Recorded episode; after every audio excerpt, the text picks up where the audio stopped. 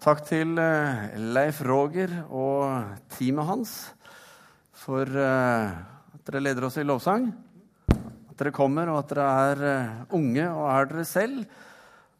Og ikke minst at den lovsangen dere leder oss i, er så tindrende klar. Så bibelsk og flott. Det syns jeg er godt å få lov til å være med og tilbe Gud. Takk for at dere er med skal vi eh, be sammen. Kjære far, takk for at eh, vi får lov til å samles i ditt navn. Takk for at eh, du bor ved troen i våre hjerter. Takk for at vi får lov til å ha forventning til deg. Og vi ber her at du skal tale til oss i formiddag. At de ord som jeg deler her, at de må du gi liv. At de må du åpenbare for oss slik at eh, det blir til eh, gagn for oss. At det blir eh, noe vi kan ta med oss og bygge på i vårt liv og vår hverdag. Herre, vi legger talen vi legger resten av gudstjenesten i dine allmektige hender, far. Amen. Jeg er inne i mitt andre stemmeskifte, kan det føles som av og til. Hvis jeg har noen knekker i dag, så vet dere hva som er skylden der. Uansett, velkommen til Misjonskirken. Mitt navn er Frode Øvergård er hovedpastor her i menigheten. Og eh, syns det er kjekt å se dere alle sammen. Glad for at eh, du er her. Og hvis du ikke har anledning til å være her, men allikevel lytter på podkast, så har jeg lyst til å si velkommen til deg også der hvor du er. Vi er i en prekenserie nå som heter Du er. Og i den serien så ønsker vi å løfte fram noe av det eh, Gud, noe av det mye som Gud sier til oss om hvem vi er ut ifra sitt ord. Eh, Gud ønsker å tale eh, sannhet inn i ditt og mitt liv. Han ønsker å bygge noe som du og jeg trenger i vår hverdag. Og noe av det skal vi fokusere på nå. Eh, for det er gjerne sånn at i vår hverdag, i hvert fall er det sånn hos meg, og kanskje kjenner du deg igjen i det, at vi kan lett bli sittende med en sånn derre følelse at vi er, så, vi er ikke så veldig betydelige. Det er ikke så mye vi har å bringe til banen. Vi føler oss kanskje usikre, føler oss små. Eh, kanskje kjenner vi på skam. Eh, kanskje syns vi at det er vanskelig å reise seg opp og si 'her er jeg', og 'jeg kan og jeg vet', osv. Eh, og det er ikke så lett å løfte seg selv opp når kanskje andre eller samfunnet sånn det fungerer i dag, er med på å dytte oss ned. For er det noe eh, vi gjør mye i dag, så er det å sette merkelapper. Eh, vi har lett for å si noe om at du er sånn, og du er sånn, eller jeg er sånn, og de er sånn. Og så blir det ofte hengende ved i livene våre. Peter Halldorf, som er en svensk forfatter og forkynner, han sa det at eh, merkelapper de er en velsignelse når du setter dem på medisinflasken. Men når du setter dem på mennesker, så blir de en forbannelse. Har noe vi mennesker, og ikke minst samfunnet vårt, som det er blitt bygd opp, er noe vi er flinke til, så er det nettopp å sette merkelapper på hverandre. Og dessverre så er veldig mange av de merkelappene lapper som eh, stjeler vår styrke, og som stjeler vår frimodighet i hvem vi er. Men saken er den at Gud han ser på deg og meg med glede. Han fryder seg, og han er full av lengsel over å få lov til å være mer sammen med deg og meg. Han vet hvem vi er, han kjenner oss, og han ønsker at vi skal få vite alt som han har, og erfare alt som han har skapt for oss, det gode som han har. Og Når vi leser i Bibelen, som vi i Misjonskirken tror er Guds ord, så får vi høre hva Gud sier om oss. Forrige søndag så talte Inger om at vi er utvalgt. At uh, ingen av oss er tilfeldige. Vi er alle utvalgt. Gud visste om og skapte, hadde deg i sine tanker lenge før verden verdens grunnvoll ble skapt, fortalte Inger da. Eh, I dag skal vi snakke om at vi er sterke. At Gud ikke bare gir oss kraft, men at han er vår kraft. Og vi skal snakke neste søndagene om at vi er utrustet med gaver fra Gud, hvor vi skal få lov til å bringe noe av Guds realitet og virkelighet inn i vår hverdag, i våre liv. Og siste søndagen at vi er nye skapninger i Kristus. Altså Dette som vi lett blir sittende med som ubetydelig, som dårlig og ikke godt nok. Det er ikke det som er sant om oss.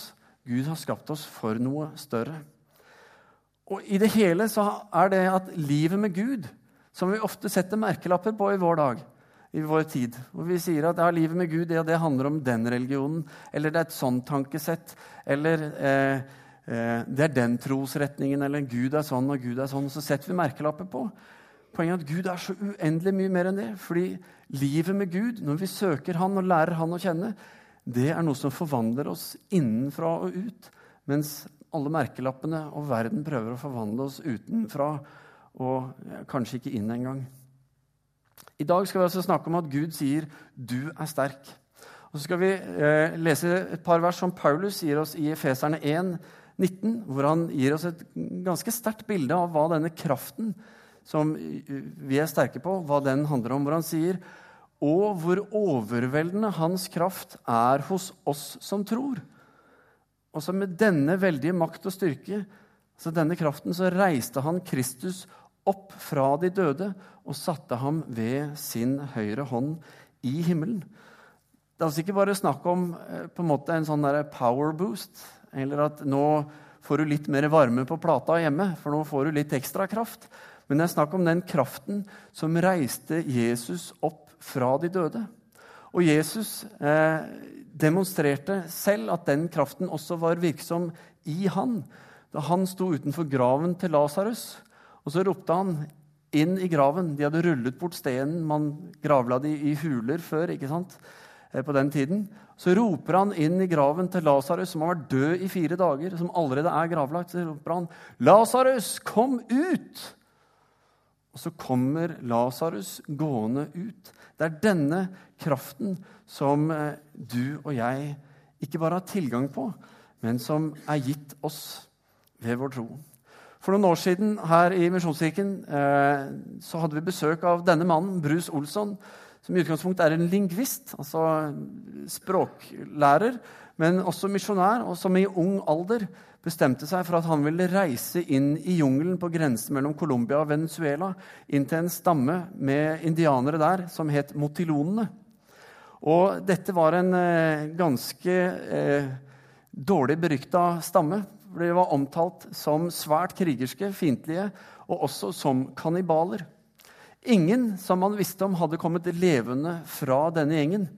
Eh, og De fleste som hadde prøvd seg, det var oljearbeidere som ville inn og utvinne olje i territoriene deres, men som ble møtt med piler og buer og spyd og alt mulig. ikke sant? Og det gikk dårlig. Men Bruce han opplevde at han skulle reise inn til denne stammen. Og Så får han overtalt syv yuko-indianere, som var en annen stamme i jungelen der, eh, overtalt de til å guide han, men de sa vi guider deg bare så langt. Fordi den gjengen der tør ikke vi å møte. Så han hadde syv eh, syv, ja, eh, syv sånne indianere som var med og viste han vei. Og når de, like før de var kommet der hvor disse yuko-indianerne hadde tenkt at her stopper vi, så blir de altså overrasket av motilonene tidligere enn man hadde ventet. Og det som skjer er at Disse yuko-indianerne, guidene, de løper jo. Og så er jo de oppvokst i jungelen, så de løper jo fort og kommer seg unna. Mens klumsete brus fra Minnesota med bare høyhus og store gater, han snubla jo rimelig fort. Og innen han hadde skjønt at han lå nede, så står det altså sirklet rundt han en gjeng med indianere med spente buer og med spyd og kniver. Og han følte seg selvfølgelig ganske liten. Han var livredd. Han sier at når jeg lå der, så ba jeg til Gud om at det skulle skje et under. At Gud skulle gjøre noe, altså, skape et jordskjelv eller et tordenvær som vi aldri har sett make til. Et eller annet som ville skremme disse motilonene vekk, sånn at livet hans ble berget. Og så skjer det et under. Og underet er for det første at Bruce Olsson, der han ligger på jungelbunnen med disse indianerne rundt seg, så blir han fylt med en fred som gjør at han føler seg trygg. Han ligger og tenker ja, dette går bra. Det er ikke verst når du har alle disse gærningene i, i fjeset. ikke sant? Men I tillegg så blir han tatt med inn i landsbyen, og etter hvert så blir han også akseptert og blir en del av dette livet. Og så får han lov til å eh, bli kjent med dem. Han får lov til å lære dem om Jesus, han får lov til å lære dem å lese og skrive. og gi dem den styrken og kraften de trengte, for de var under press. De var redde for hvite mann der ute som var ute etter territoriene deres. Og i dag så har de utdannede egne advokater som på en måte forsvarer deres rettigheter i forhold til oljeutvinning og alt dette i jungelen. Hvor overveldende Guds kraft er hos den som tror, sier Paulus. Kjenner du på den kraften, eller savner du den kraften? Jeg tror vi har lett for å glemme at den kraften er der. Og dermed så ender vi opp med å gjøre mye av hverdagen vår i egen kraft. Og det er slitsomt. Så er spørsmålet hva er det vi klynger oss til? Hva klynger du deg til når det stormer i livet? Hva er det som skal hjelpe oss gjennom de mange utfordringene? Klarer vi å være sterke som Siv og Tom, som sier 'Vi tror, Gud, at du vil hjelpe oss gjennom dette'? Eller stoler vi på at eh, det vi selv har bygget, enten er pengene våre eller karrieren vår eller statusen vår, eller vi tror at vi har funnet den beste fastlegen som skal hjelpe oss gjennom alt, eller den beste psykologen som skal ikke sant? Og så videre, og så videre. Hvem er det som skal løse det for oss? Så jeg har lyst til å komme med dagens utfordrende spørsmål. Eh, og Det er utfordrende, og jeg tar det med fordi jeg trenger det selv. Og kanskje du også trenger det. Og Igjen er det Peter Halldorf, eh, som dere nå ser bilde av. Dette er fra boka hans 'Jomfrumark', hvor han sier Tror vi at det vi tror på, er en avgjørende realitet? Tror vi at det vi tror på, er en avgjørende realitet inn i vårt liv, inn i vår hverdag? Og så er det et utfordrende spørsmål. Og så er det ikke ment at svaret på det skal fordømme oss, men at det skal vekke oss. For kanskje er du som meg, at du trenger å formulere litt på det og si Forstår jeg at det jeg tror på, er en avgjørende realitet i mitt liv, i min hverdag? Guds plan og vilje den innebærer både å vise oss hvem vi er i Jesus Kristus, men også at vi ved troen på Jesus skal få se Guds kraft forløst i vår hverdag, i vårt liv, gjennom vårt liv. Så hva slags kraft er det, og hvordan kan vi få denne? Hva er det som gjør at Gud sier vi er sterke? For det første så er det viktig å understreke at, Guds, at dette er Guds kraft vi snakker om. Det er hans kraft, men så er det også en kraft som han gir til alle som tror på Jesus. For det andre så vil jeg understreke at kraften ikke først og fremst handler om tegn og under og mirakler. Sånn Hoho, 'Nå kan jeg gå på vannet, for det er veldig kjekt.' type, Eller jeg kan dele det fordi jeg tar ikke sjansen på å bli våt på sålene, eller hva det måtte være. Ikke sant? Men det handler om forvandlet liv. Gud ønsker å introdusere sin realitet, sin virkelighet, inn i vår hverdag. Fordi det er det vi trenger. Det er det som forvandler livene våre. Så når Jesus gjorde tegn og under i sin gjerning, så gjorde han det fordi det skulle lede til forvandlet liv hos de menneskene han møtte. Men hvordan får så du og jeg denne kraften? Like før eh, vers 19, som vi leste i stad, om den overveldende kraften, fra vers 15 til 18, så sier Paulus følgende.: Derfor holder jeg ikke opp med å takke Gud for dere når jeg husker på dere i mine bønner. For jeg har hørt om deres tro på Herren Jesus og deres kjærlighet til alle de hellige. Jeg ber om at vår Herre Jesu Kristi Gud, herlighetens far, må la dere få en ånd som gir visdom og åpenbaring, så dere lærer Gud å kjenne. Må Han gi dere lys til hjertets øyne, så dere får innsikt i det håp Han har kalt dere til, hvor rik og herlig Hans arv er for de hellige. Paulus peker på troen som er der, og kjærligheten som de har. Og så ber han om at vi alle som tror, må få en ånd som gir visdom.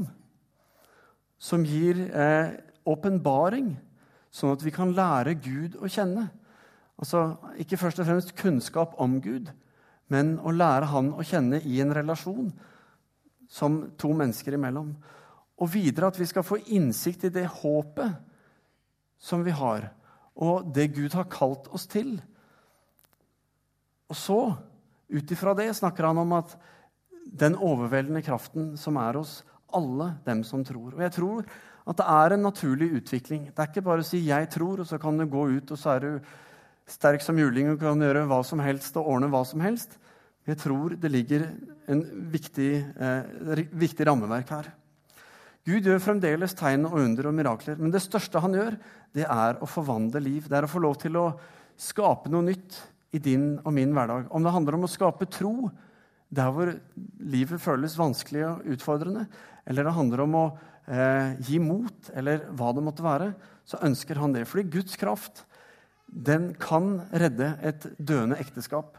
Den kan gjenopprette en relasjon som er ødelagt. Den kan vende hat til kjærlighet. Den kan vende frykt til fred. Og den kan vende et ikke-troende hjerte til et troende hjerte. Og Kanskje opplever du noe av dette eller andre lignende ting. Eller om du ikke er midt oppi det, så kjenner du kanskje noen som er det. Og Poenget er at Guds kraft i deg, i ditt liv og gjennom deg, kan forvandle disse vanskelige situasjonene. Nå skal vi se på tre valg som kan hjelpe oss til å erfare denne styrken i vår hverdag.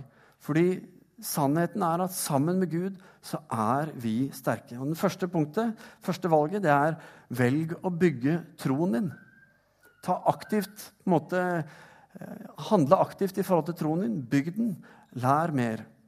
Eh, Jesus han sier i Johannes 14, vers 12, så sier han Sannelig, sannelig, jeg sier dere, den som tror på meg, skal også gjøre de gjerningene jeg gjør.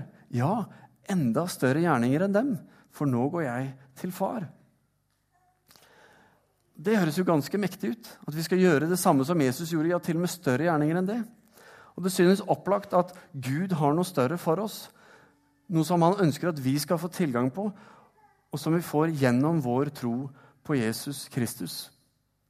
Og noe av det Jesus ønsket å gjøre når Jesus kom til jorden, det var jo at han som var Guds sønn, han ble et menneske sånn som deg og meg.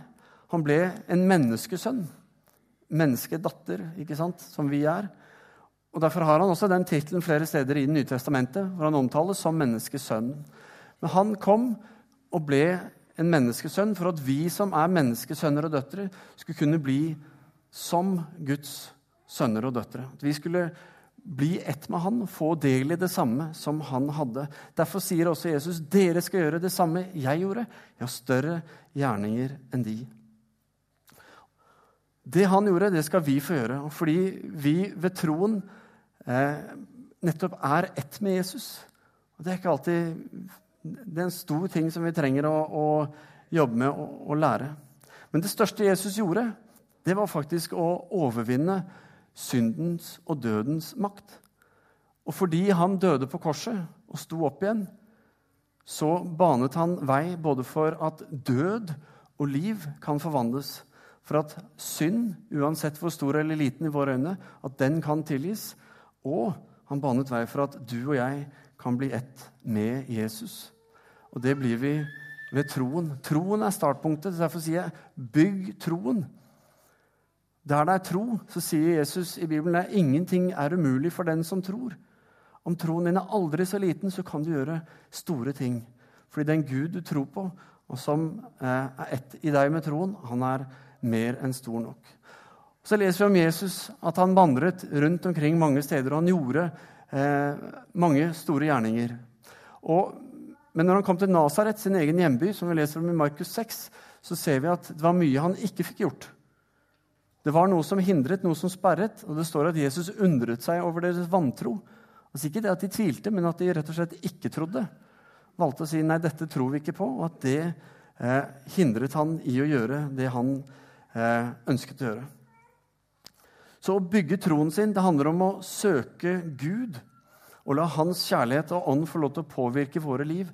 Så Si til Gud jeg ønsker at du skal påvirke og bygge eh, mer av deg inn i meg. For det gir visdom, det gir åpenbaring, og det bygger også den troen vi har, sånn at vi vokser, og at vi lærer Gud å kjenne.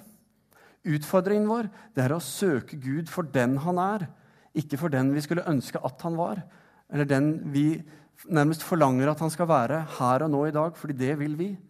Men søke han for den han er. og Derfor sier Jesus i Matteus 6, 33, sier han, søk først Guds rike og hans rettferdighet. Altså Lær det å kjenne. Det er det du søker. Og så vil ut ifra det dere få alt det andre i tillegg. Når Gud får påvirke oss, med sin ånd og gi oss innsikt i det livet han kaller oss til, så vil også kraften bli en del av vår erfaring, noe som vi får lov til å forholde oss til i det daglige. Da kan vi både oppleve Guds forvandlende kraft i våre liv, og vi får lov til å være formidlere av denne kraften til de menneskene som Gud har satt rundt oss i vår hverdag. Det andre valget vi kan ta, det er å velge å spørre Gud. Gud vil at vi skal komme til Han med alle ting.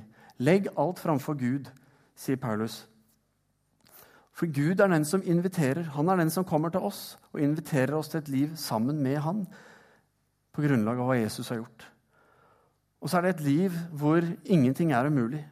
Og så sier Paulus, hvor han på en måte ønsker å utvide tankene våre Paulus sier i Efeserne 3, vers 20, så sier han eh, Han som virker i oss med sin kraft. Han som virker i oss med sin kraft og kan gjøre uendelig mye mer enn det vi ber om og forstår. Så vær frimodige. Spør Gud. Og så tror jeg Når vi forstår at vi ved troen er blitt ett med Jesus, og at det Jesus gjorde, er faktisk det vi også er kalt til å gjøre, og får lov til å gjøre, basert på vår, altså, hvordan vi bygger opp troen og forstår den, så frigjøres hans kraft i oss, og vi begynner å få lov til å handle mer som han. Derfor skal vi også få lov til å be og spørre i Jesu eget navn. Vi leste fra Johannes 14 i stad, hvor Jesus sa dere skal gjøre de samme gjerningene noe større enn de. Så sa han videre i vers 13 og 14, og så sier han, og det dere ber om i mitt navn, det vil jeg gjøre, så Faderen skal bli æret. Og det er et poeng. For Faderen skal bli æret gjennom Sønnen. Dersom dere ber, meg, ber meg om noe i mitt navn, så vil jeg gjøre det, sier han. Jesu gjerning det handlet om å synliggjøre Gud, om å ære Han, hans far i himmelen. Og gjennom det at Guds vilje fikk lov til å skje. Og vi ser på det livet Jesus hadde, at det var gode ting som skjedde. Han talte inn i menneskers liv som eh, ingen andre kunne. Liv ble forvandlet, som jeg sa i stad, innenfra og ut i møte med Han. Og det, den kraften ønsker Gud at du og jeg også skal få lov til å erfare og ha i vårt liv. Og Derfor er oppfordringen om å søke Guds rike først. Fordi det er gjennom vår forståelse og kjennskap til og åpenbaring av det at dette skjer. Og når Jesus forteller deg og meg at vi skal gjøre det samme som han gjorde, så skal vi gå noen kapitler tilbake i Johannes, Johannes 5, hvor Jesus sier om seg selv sier han, 'Sannelig, sannelig, jeg sier dere, Sønnen' Altså, han selv kan ikke gjøre noe av seg selv, men bare det han ser sin far gjøre. Det far gjør, det gjør også sønnen. For far elsker sønnen og viser ham alt det han selv gjør. Og så er det et bilde til. Og han skal vise ham større gjerninger enn dette, så dere kan undre dere. For slik far reiser opp døde og gjør dem levende, slik gjør også sønnen levende hvem han vil. Og det er dette som vi ser er gitt Jesus, som Jesus gir videre til oss og sier nå skal vi få lov til å gjøre dette. Og Da blir spørsmålet hva ville Jesus gjort? Hvis han var i mine sko i denne situasjonen jeg er i, hva ville han tenkt? Hvordan ville han handlet? Og så får vi lov til å strekke oss etter det. For hva er det du lengter etter i ditt liv, i din hverdag? Hva er det du kanskje ikke våger eller ikke vil be Gud om fordi det oppleves som for mye, eller at du ikke er verdig, eller det føles umulig? Hva er det du har gjort som er for stort til at eh, Gud kan få lov til å tilgi deg? Eller for komplisert til at du tenker at her er det noe håp for deg i det hele tatt. Kanskje er du bare som meg, at du rett og slett ikke spør. Om du glemmer å spørre, eller bare ikke har det inni at du alltid skal spørre. Og fordi jeg er der at jeg trenger hjelp til å spørre, så bare minner jeg meg selv på dagens utfordrende spørsmål, som vi sa i stad. Tror vi, eller tror jeg, at det jeg tror på, er en avgjørende realitet i livet mitt? Nå vet jeg at det er mange av oss som spør Gud, og mange vi trygler Gud om at han skal høre. Og et sterkt vitnesbyrd som Siv delte her i stad, om å virkelig be Gud og forstå hva er det dette handler om. Jeg har ikke gode svar på alle disse tingene. Men jeg tenker kanskje er det noe mer Gud ønsker å vise oss for at det vi ber om, skal, at vi skal få den rette kunnskapen, eller rette forståelsen, den rette innsikten, åpenbaringen, i det når det skjer, det vet ikke jeg. Kanskje er det det, jeg sier. Men det beste jeg kan gjøre, og som jeg velger å gjøre for min egen del, for mine bønner som jeg ikke får svar på, så er det å være utholdende. Det er svar underveis. Det velger jeg å tro, og det velger Siv og Tom å tro også, og det håper jeg du også vil gjøre. Jeg er en tenker. De som jobber sammen med meg, irriterer seg over meg fordi jeg er en tenker. For når de kommer med et godt forslag, så må jeg tenke. Jeg kan ikke si 'Å, kult, la oss gjøre det'. Jeg må tenke. Og så tenker jeg veldig mye, og så tenker jeg meg i hjel av og til. Og så kommer jeg av og til ingen vei. Jeg kommer til kort. Og så går jeg til Gud. Så spør jeg ok, Gud, hva skal du si da? Ikke sant? Akkurat som vi synger i 'Lær meg å kjenne dine veier'. Når jeg har tenkt meg trett til døde, si så hva du har tenkt, å Gud. Det er litt sånn den menneskelige banen å gå. Men det som er at når jeg kommer til Gud etter å ha tenkt meg trøtt på ting, så sånn rent mentalt så har jeg tenkt meg til veggs med mine tanker. For de binder meg. Alle de problemstillingene jeg har vært igjennom, som jeg ikke har funnet en løsning på, de tar jeg med meg inn. Og så kjenner jeg at de holder meg tilbake. De begrenser troen min i møte med Gud. Og som gjør at et, troen min blir ikke så stor i møte med Gud og hva han skal gjøre. Og så jobber jeg med å bli flink til å spørre Gud først. Fordi Poenget er at når vi spør Gud først, da inviterer vi Gud inn før vi selv klarer å, å, å skrive opp og finne alle disse problemstillingene. Da inviterer vi Gud til å være med å påvirke våre tanker fra første øyeblikk. Heller enn at han skal bruke lang tid på å si nei, du må ikke tenke sånn. nei, du må ikke tenke sånn. Og så bruker vi en lang periode på det. Sånn skal du tenke. ikke sant?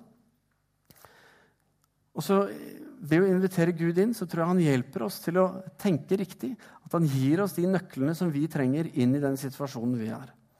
Og så har jeg bare lyst til å si at Det er aldri for sent å komme til Gud. Om du har tenkt, tenkt og tenkt og tenkt, sånn som jeg gjør, og bare ikke har noen utvei, så gå til Gud med det allikevel. Så tar det kanskje litt tid, men det er aldri for sent. Det tredje som eh, du kan velge å gjøre, det er å ta et steg i tro. Tro kan fort reduseres til en tanke, til en opplevelse som jeg har for meg selv, om den ikke brukes aktivt. Når vi tar steg i tro, så uttrykker vi troen vår gjennom handling. Altså Troen blir liksom ikke bare noe jeg mener, men det blir noe jeg også gjør. Og det trenger troen. Og Jakob, som har skrevet Jakobs brev i Det nye testamentet, han utfordrer de troende. For det var en del troende som var fornøyd med bare å tro. Så sa han, 'Du tankeløse menneske, vil du ikke innse at tro uten gjerninger er til ingen nytte?' Og så kan det oppleves litt sånn hardt og utfordrende. Og Poenget hans er ikke å si at ja, gå ut og gjør masse bare for å gjøre masse, fordi det er rett å gjøre masse.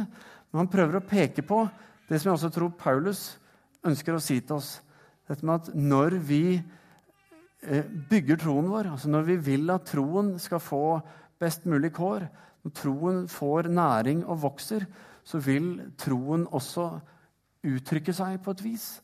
Og det skjer gjennom og får lov til å skje ofte gjennom våre handlinger. Når vi tar noen steg i troen, og jeg sier ja til å være leder eller ja til å gå inn i en oppgave, eller sånn, så setter jeg meg i en situasjon hvor Gud får lov til å bruke meg. Og Jo mer jeg tror at Gud er med, jo større sjanse er det for at jeg også vil se det. Så Derfor er steg basert på tro og basert på en eh, voksende tro veldig viktig. Fordi det gir oss stadig nye erfaringer av hvem Gud er. Ett steg i tro det er et steg i retning av det jeg ser og tror at Gud ønsker å gjøre midt i min hverdag. Når, jeg opplever at her er det noe Gud ønsker å gjøre, og jeg handler på det, så er det et steg i tro. Så er det kanskje et steg, eller mest sannsynlig et steg jeg ikke har kontroll over, men det er et steg hvor jeg er avhengig av at Gud handler. Og Da er det jo viktig at den handlingen jeg gjør, altså det steget jeg tar, at det er et steg som er i tråd med Guds plan og vilje. At ikke det er min egen greie som jeg skal gjøre for min egen del. Jeg snakker ikke om å sette Gud på prøve, men å handle som sagt, på hans ord og vilje. Ofte så har vi en idé om hva det kan være. Kanskje det handler om å snakke med noen, dele troen vår, dele noe som har skjedd i vårt liv, noe Gud har gjort. Kanskje det handler om å, å be for en som er syk. Kanskje det handler om å eh, handle i forhold til en, en relasjon vi har som er blitt brutt, hvor det er noe vondt som ligger. Be om tilgivelse, at vi ydmyker oss. At vi tar ansvar, selv om vi kanskje syns den andre burde gjort det. Men at vi velger å være de som baner vei for at dette skal bli bra igjen. ikke sant? Så er spørsmålet hva ville Jesus gjort? Så steilt å si nei. Jeg vil at min vilje skal skje. ikke sant? Nei, men få lov til å bane vei for at Gud får lov til å gjøre noe iblant oss, er viktig. Og Det er mange ting og det er mange muligheter tror jeg, vi har i hverdagen til å erfare Guds kraft. Men ofte fordi det kan oppleves vanskelig, at det er en sånn terskel å ta det initiativet. Spørre kan jeg be for, eller kan jeg få fortelle deg dette. For Kanskje oppleves det flaut eller ydmykende. Så blir vi litt opphengt i denne barrieren, dette som gjør det vanskelig å ta steget. Og så tenker vi nei, vente litt. Så utsetter vi det. Og så utsetter vi og utsetter vi. utsetter vi, ikke sant? Eller så lar vi bare være, for vi skjønner ikke hvordan vi skal gjøre det. Eller kanskje vi legger skylden på andre og fraskriver oss ansvaret. Inntil andre har gjort noe, så kan ikke jeg gjøre noe, liksom. Men i alle disse unnskyldningene eller veiene vi velger, så går vi glipp av å erfare Guds kraft i vår hverdag. Oppleve at men jeg er sterk, og jeg får lov til å være med på å formidle den kraften. Jeg får lov til å stå i noe som er større enn meg. Og Guds kraft den forløses der hvor det er behov for den. Bare der hvor det er behov for den. Og steg i tro det handler om å velge å stole på Gud. Velge å stole på at Han er vår styrke. At Han vil hjelpe oss og lede oss og vise oss vei. Tro det handler om å omfavne det faktum at Gud vet best, og tro og stole på at det er sant at han har kontroll, og at når vi handler i tråd med hans vilje, så gjør vi det basert på det faktum at vi er ett med Jesus pga. hans døde oppstandelse. Det handler om steg i tro, om å gi Gud kontroll og lære å stole på Han. Både at Han virker når ting er vanskelig, håpløst eller kanskje umulig, men også når ting er bra. For jeg har i hvert fall det sånn at når ting går på skinner i mitt liv, så klarer jeg meg selv. Så glemmer jeg å invitere Gud, glemmer å søke Han. Så bygg troen din. Lær hva Gud har gjort for deg. Søk Han. Be om at du skal få Hans ånd som gir deg visdom og innsikt inn i ditt liv, inn i din hverdag. At du skal få eh, forstå hva ditt håp er, hva Han har kalt deg til Sånn at eh, du skal få erfare mer av Guds kraft i ditt liv og se at det er sant, jeg er sterk. Fordi Guds kraft, den er gitt meg. Og den forløses i min hverdag. Og Da tror jeg vi får se at vi er faktisk sterke i Han. At når vi går til Gud, så vil vi alltid stå sterkere enn når vi går til verden, som står med merkelappene sine og sier at Nei, dette kan du ikke, og du er ikke bra nok og ikke flink nok. og alt sånt. Men hos Gud så får vi lov til å være mer enn gode nok. Over måte godt, sa Gud da han skapte oss. Skal vi be. Kjære himmelske Far, vi takker og priser deg, Herre, for at uh, Herre, du har ikke bare satt oss her på jord til å prøve å klare oss i egen kraft og håpe på at du vil stikke innom og vise deg en gang iblant. Men du har sagt her at alt ditt, det er vårt. Du har eh, gjort det sånn at eh, ved vår tro, når vi sier ja til Jesus, om ikke vi forstår alt og klarer å gripe alt, så velger vi å tro det, at det er sant. At gjennom det steget i tro så forløses eh, ditt rike over vårt liv. Da blir vi ett med Jesus, og så ligger det noe i oss som er deg selv, Herre, som får lov til å virke i og gjennom oss. Herre, hjelp oss å se, Herre, det at eh, vi står ikke alene. Vi er ikke forlatt. Og den eneste som noensinne har vært forlatt og uten deg, det var Jesus da han hang på korset og døde i vårt sted. Hvor han sa, 'Min Gud, min Gud, hvorfor har du forlatt meg?' Så var det han gjorde for at vi skulle slippe det, at vi alltid skulle vite at du er der. Og så går du ikke bare ved vår side, men du er ett med oss. Så ønsker du her at vi skal se og lære deg bedre å kjenne, slik at det livet som du har skapt oss til, at det skal få utfolde seg, Herre. At vi skal få se at i dette, så er vi sterke. Der får vi lov til å møte livet. Ikke alene, ikke med venner, men med den evige Gud. Med den kraft som kan overvinne død, som kan tilgi alt, og som kan eh, gjenoppreise alle ting.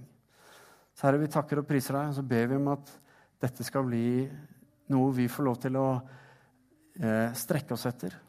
Noe vi får lov til å søke inn i.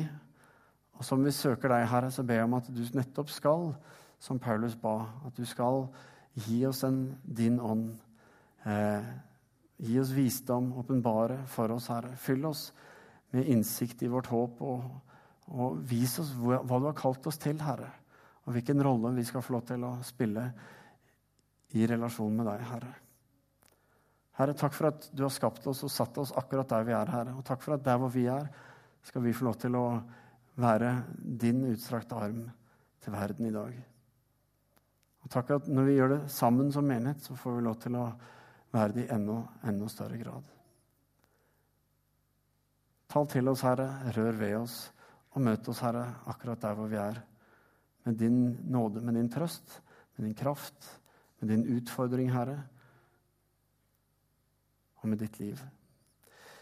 Med Jesu navn. Amen.